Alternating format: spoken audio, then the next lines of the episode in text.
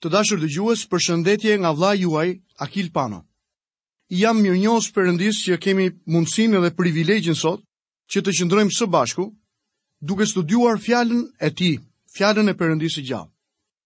Dua t'ju kujtoj që në mësimin e kaluar kemi folur mbi kapitullin e 26 të librit të Eksodit. Tema e kapitullit të 26 ishte tabernakulli, pëlhura prej liri dhe me lesh dhie. Dua t'ju kujtoj që duke parë temën e mrekullueshme të këtij kapitulli, hodhëm një vështrim mbi një tabernakull të bërë me dorë.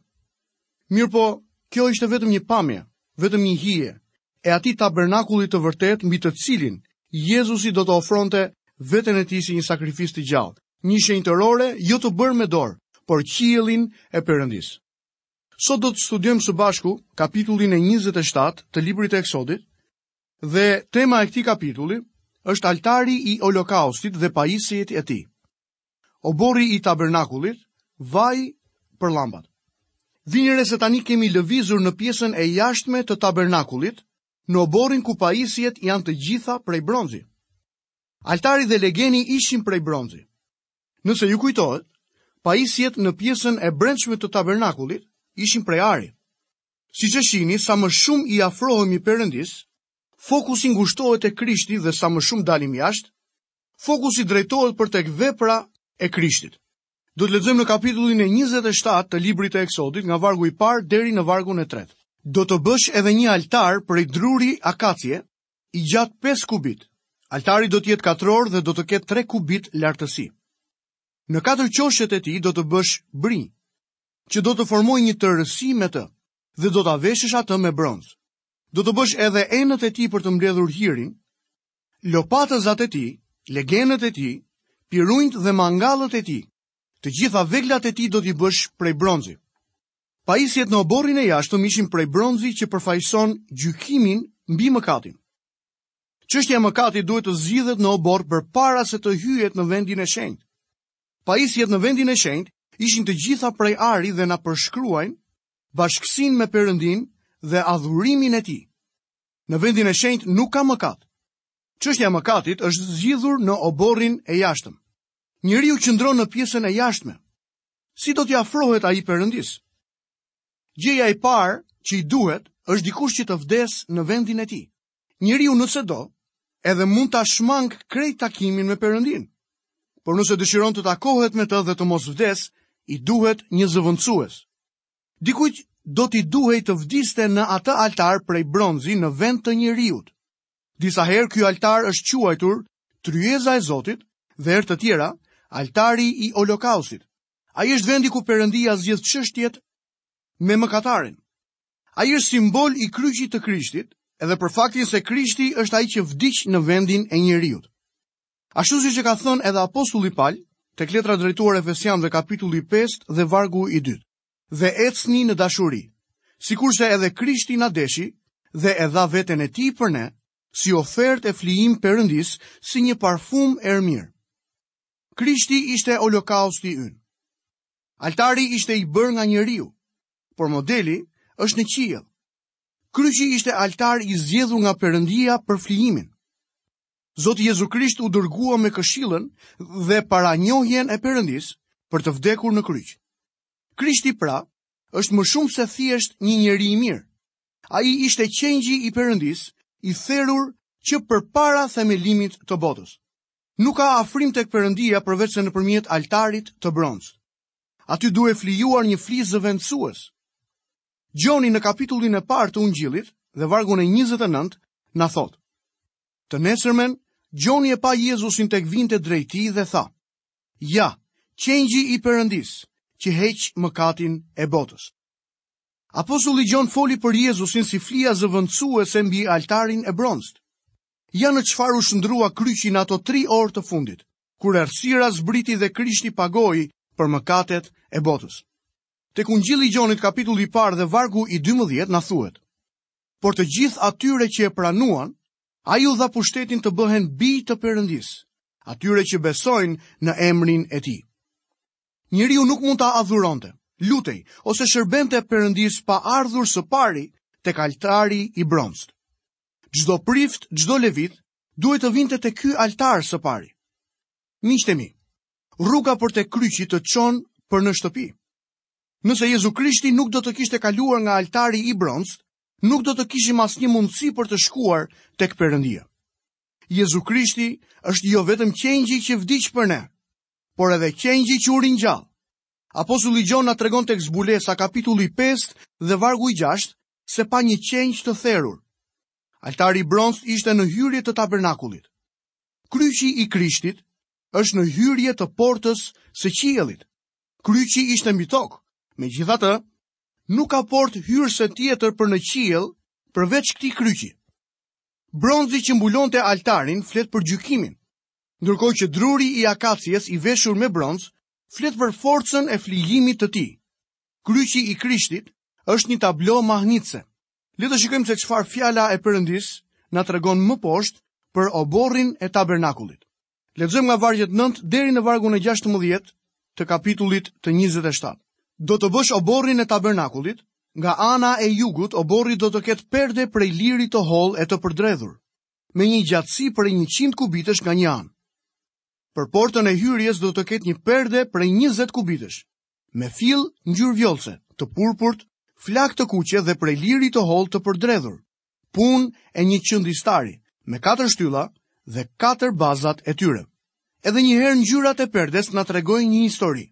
Bluja tek vjollca ishte ngjyra qiellore dhe flet për faktin që Jezu Krishti erdhi nga qielli. Ngjyra flakë e kuqe flet për aspektin njerëzor të Krishtit dhe për gjakun që derdhi për gjithë njerëzimin. Ngjyra e purpurt, një përzierje e blusë me të kuqen flakë, ngjyra e mbretërve. Flet për aspektin mbretëror të Krishtit. Kjo ishte perdja që do të varej tek porta e oborrit, ku hynin priftërinjtë dhe levitët. Kjo hyrje ishte vetëm 5 kubitë dhe gardhi rrethues i pjesës së jashtme të tabernakullit ishte 100 kubitë me 50 kubitë dhe mbulohej me një pëlhurë të bardhë prej liri rreth e qark. Ai ndante ata që ishin brenda nga ata që ishin jashtë. Le të shohim se çfarë fjala e Zotit do të na tregojë për vajin dhe për llampat. Pjesa përmbyllëse e këtij kapitulli është mjaft interesante. Këtu flitet për vajin, për llampat dhe është e pazakontë që një subjekt i tillë të marrë një vëmendje të veçantë. Le të vështrojmë vargun e 20. Do të urdhërosh bijtë e Izraelit të sjellin vaj ulliri safi prej ullinjsh të shtypur për dritën e shandanit për t'i mbajtur vazhdimisht të ndezura llampat. Vaji, siç e kemi përmendur edhe më parë, është simboli i frymës së shenjtë të Perëndisë.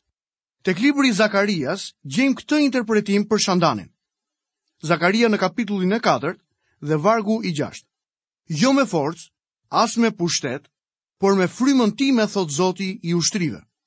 Drita është ajo që na jep fryma e shenjtë. Fryma e shenjtë nuk do të flasë për veten, por merr gjërat e Krishtit dhe na i bën ato të njohura. Lexojmë poshtë vargun e 21.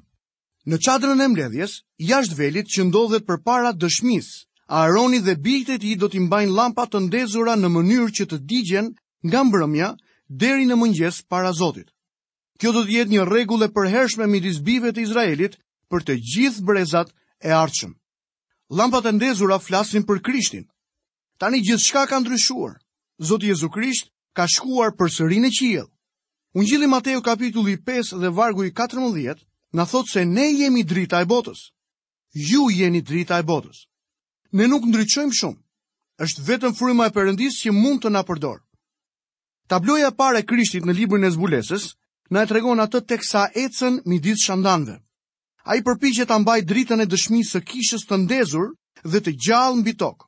Krishti merret me ata që janë të vetët. Duhet thënë nja dy fjalë për pajisjet që nuk përmenden këtu. Një prej tyre është edhe altari i temjanit, që përmendet tek libri i Eksodit kapitulli 30. Nëse do të shkoje të adhuroje Zotin, do të kaloje patjetër nga ky altar. Pajisja tjetër që nuk është përmendur në këtë pjesë, është legeni prej bronzi. Legeni e bënte dikë të pastër për të adhuruar Perëndinë. Në altarin e bronztë gjejmë pranimin e Krishtit si shpëtimtar, ndërkohë që në legenin e bronztë gjejmë larjen dhe pastrimin nga fryma e shenjtë e Perëndisë. Vetëm më pas do të lejoheshe të shkoje dhe të adhuroje Perëndinë. Të dashur dëgjues, këtu kemi përfunduar edhe studimin tonë mbi kapitullin e 27 dhe do ta vazhdojmë menjëherë studimin në kapitullin e 28 të librit të Eksodit. Tema e këtij kapitulli është Aaroni dhe bijtë e tij vihen mënjanë, veçohen. Efodi, pektorali, urimi dhe thumimi, kurora dhe veshjet priftërore. Le të shohim veçimin e Aaronit dhe bijve të tij. Kemi parë se çdo fije, ngjyrat edhe litari në tabernakull sugjerojnë personin dhe veprën e Krishtit. Tani vijmë tek personat që do të shërbejnë në tabernakull. Levitët do të kujdeseshin për tabernakullin dhe Aroni me bijtë e tij do të ishin priftërinjtë. Ndërkohë që vetë Aroni do të ishte kryeprifti. Lexojmë në kapitullin e 28 të librit të Eksodit, vargun e parë edhe të dytë. Pastaj afro pranë vetes sate Aronin, tët vëlla, dhe bijtë e tij së bashku me të, nga gjiri i bijve të Izraelit që të më shërbejnë mua si prift. E kam fjalën për Aaronin, Nadabin, Eleazarin dhe Ithamarin, bijtë e Aaronit. Dhe do t'i bësh Aaronit vëllait tënd rroba të shenjta, për t'i dhënë nder dhe hijeshi. Që Aaroni të shërbente si kryeprift, ai duhet të vishte disa veshje të caktuara. Secila prej tyre flet për Krishtin. Është e vërtetë që shumë prej udhëzimeve të dhëna tek libri i Eksodit nuk janë ndonjë pjesë shumë emocionuese kur i lexon dhe as nuk na tingëllojnë si histori me detektiv apo të mbushura plot mistere. Megjithatë, ato na zbulojnë Krishtin. A keni pyetur veten se për çfarë arsyeje i ka dhënë Perëndia këto udhëzime? Fëmijët e vegjël mësojnë më mirë me anë të figurave. Bibla është një libër pikturash Dhe Perëndia dëshiron që ne të mësojmë të vërtetat që ai ka rezervuar për ne, duke parë këto pamje që ai na i ka dhënë. Këto veshje nuk ishin të shenjta në kuptimin që kemi ne për shenjtërinë sot. Fjala hebraike për i shenjtë do të thotë i veçuar, i vënë mënjanë. Këto veshje ishin vënë mënjanë për shërbim të Perëndisë. Gjithçka që është e vënë mënjanë për Perëndinë është e shenjtë. Të supozojmë se kemi 1000 lekë në xhep dhe dëshiron të japësh 100 lekë për shërbesën e Zotit. Ti mund t'i kesh marrë këto lekë nga një dyqan dhe shitësi në dyqan, mund t'i ketë marrë nga një kumarxhi i cili nga ana e vet, mund t'i ketë marrë nga një prostitutë që mund t'i ketë marrë nga një hajdut e kështu zinxhiri vazhdon e vazhdon. Në pamje të parë, ato janë para të pista, por në çastin që ti i veçon ato për Perëndinë, ato bëhen të shenjta. Gjithçka që është e vënë mënjanë për Perëndinë është e shenjtë. Këto janë veshje të shenjta dhe duhen përdorur për shërbimin ndaj Perëndisë. Unë nuk vesh një rrobë si ato të levitëve, por kur isha pastor, kisha një kostum prej stofi të cilin e vishja vetëm për shërbesën. Shumë herë argëtohesha me miqtë e mi më të ngushtë për kostumin tim të shenjtë.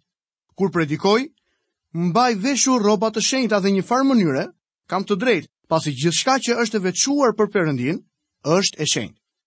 Vini re se këto veshje janë për lavdi të Perëndisë dhe janë të bukura. Më pëlqen kjo gjë. Gjërat nuk kanë pse të jenë të shëmtuara kur përdoren në shërbim të Perëndisë. Indinjohem shumë kur shoh që bota, mishi dhe djalli duket se marrin gjithçka që është e bukur. Por pse të mos i japim Perëndisë ca nga kjo bukuri? Ai është krijuesi i bukurisë. Nëse nuk jeni të mendimit se ai i shpërndan ngjyrat ngado, shikoni me vëmendje një perëndim dielli ose gjethet në vjeshtë. Shikoni qiellin në një ditë të kthjellët me diell dhe pastaj krahasojeni me një ditë me stuhi. Perëndia është mjeshtri i ngjyrave dhe bukurisë dhe këto veshje për priftërinjtë duhet të ishin të bukura për t'i dhënë lavdinë Perëndisë. Le të lexojmë më poshtë vargun e tretë. Do të flasësh me të gjithë personat e aftë që i kam mbushur me frymën e diturisë dhe ata t'i bëjnë rrobat e Aronit për ta shenjtëruar, me qëllim që të më shërbejë mua si prift. Aroni është veçuar për t'i shërbyer Perëndisë si kryeprift. Këto duhet të jenë veshjet e tij. Lexojmë më poshtë vargun e katër. Dhe këto janë rrobat që do të bëjnë: një pektoral, një efod, një mantel, një tunikë të thurur me shtiza, një çallmë dhe një brez. do të bëjnë pra rroba të shenjta për Aronin, vëllanë tënd dhe për bijtë e tij, me qëllim që të më shërbejnë mua si prift. Këtu kemi gjashtë rrobe që duhet të përdoreshin gjatë shërbimit ndaj Perëndisë. Ato duhet të visheshin nga Aroni dhe më pas, pa dyshim, nga të gjithë ata që do ta pasonin në këtë detyrë. Shikojmë më poshtë vargun e 5. Ata do të përdorin ar dhe fill ngjyrë vjollce të purpurt, flakë të kuqe dhe li të hollë. Këto veshje duhet të punoheshin me materialin më të mirë. Mendoj se Perëndia duhet të marrë më të mirën dhe duhet të rrëfejmë se ne na duhet të tregohemi shumë të kujdesshëm në këtë çështje. Asnjëherë gjatë shërbesës sime nuk kam mbajtur ndonjë makinë që konsiderohet e shtrenjtë, Cadillac apo Lincoln. Një herë një njeri ofroi të më blinte një makinë të shtrenjtë dhe unë e refuzova. Ndodhi që në atë kohë kisha një makinë tjetër por sinqerisht mendoj se kam aq të drejtë të ngas edhe një makinë të shtrenjtë. Tani këtu duhet të tregohem i kujdesshëm. Di një rast kur një shërbëtor i Perëndisë ka marrë kritika të shumta pasi kur disa njerëz shkuan për vizitë, panë Cadillac të parkuar gjithandej. Lloji i shërbesës që ai kryen kërkon donacione të shumta dhe ka nga ata që mendojnë se paratë e marra prej tij nuk po shpenzohen ashtu siç duhet. Më lejoni t'ju them se paratë e marra për një shërbesë nuk duhet të shpenzohen kot dhe pa qenë nevoja. Duhet të tregohemi të kujdesshëm për atë që bëjmë me paratë e dhëna.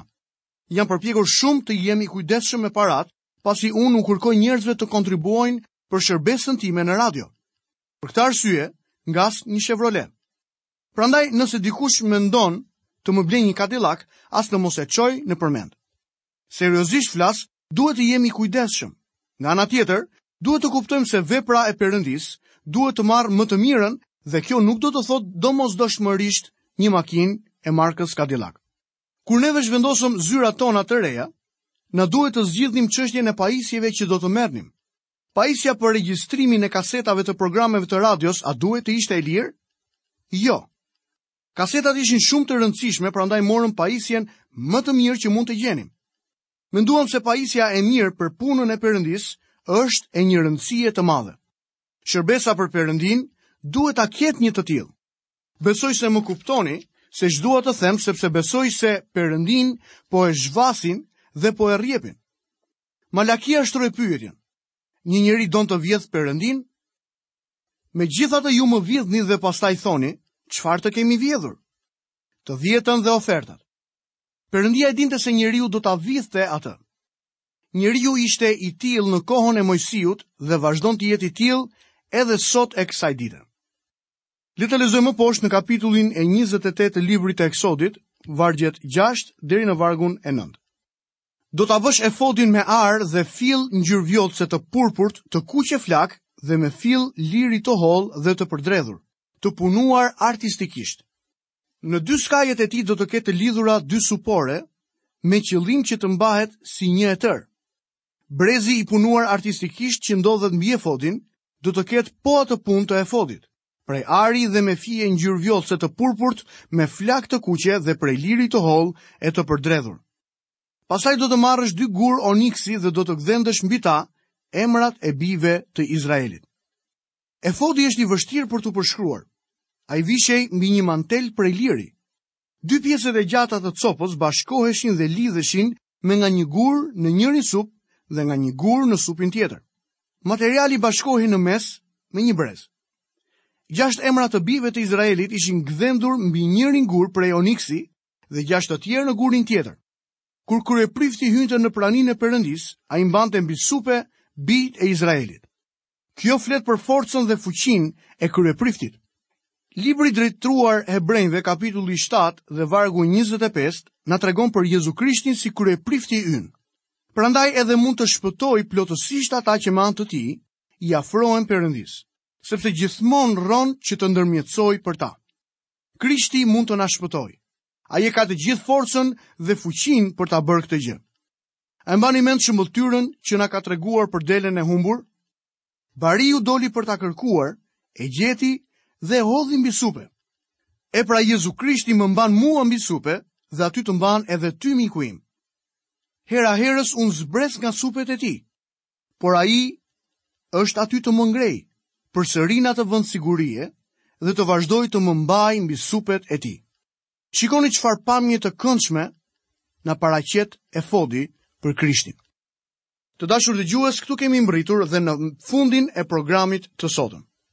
Jam mirënjohës Perëndisë që keni qëndruar së bashku me mua përgjatë minutave të këtij programi dhe besoj që fjala e Zotit të gjallë Nga libri i Eksodit në Dhiatën e Vjetër është duke hedhur dritë mbi njohuritë tona biblike dhe duke ndriçuar kuptimin tonë për shërbesën e kryepriftit tonë më të lartë.